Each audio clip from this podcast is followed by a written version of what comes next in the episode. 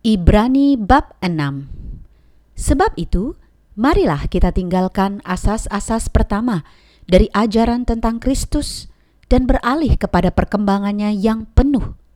Janganlah kita meletakkan lagi dasar pertobatan dari perbuatan-perbuatan yang sia-sia dan dasar kepercayaan kepada Allah, yaitu ajaran tentang pelbagai pembaptisan, penumpangan tangan, kebangkitan orang-orang mati, dan hukum kekal. Dan itulah yang akan kita perbuat jika Allah mengizinkannya.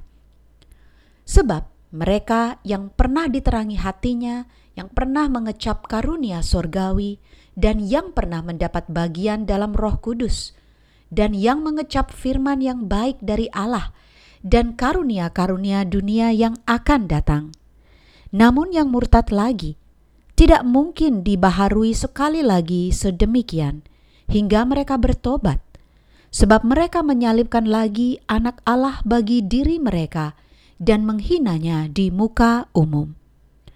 Sebab tanah yang menghisap air hujan, yang sering turun ke atasnya, dan yang menghasilkan tumbuh-tumbuhan yang berguna bagi mereka yang mengerjakannya, menerima berkat dari Allah.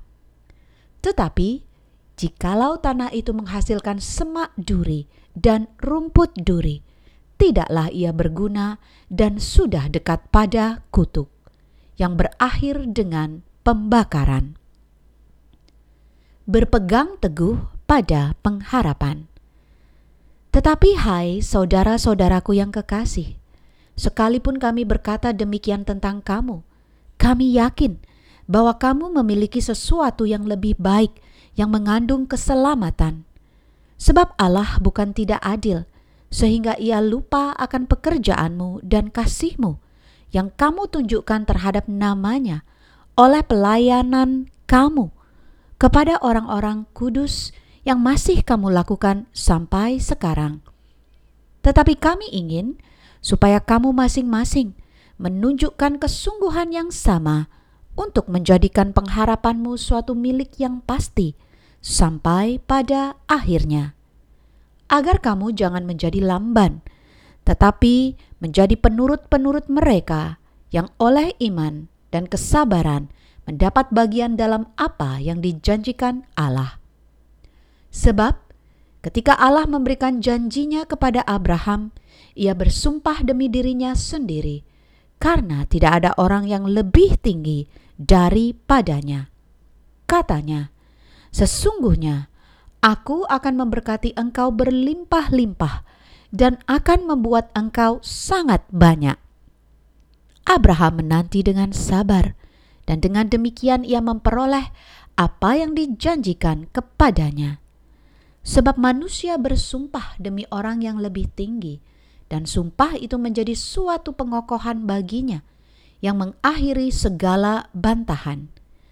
Karena itu, untuk lebih meyakinkan mereka yang berhak menerima janji itu akan kepastian putusannya, Allah telah mengikat dirinya dengan sumpah, supaya oleh dua kenyataan yang tidak berubah-ubah tentang mana Allah tidak mungkin berdusta kita yang mencari perlindungan beroleh dorongan yang kuat untuk menjangkau pengharapan yang terletak di depan kita.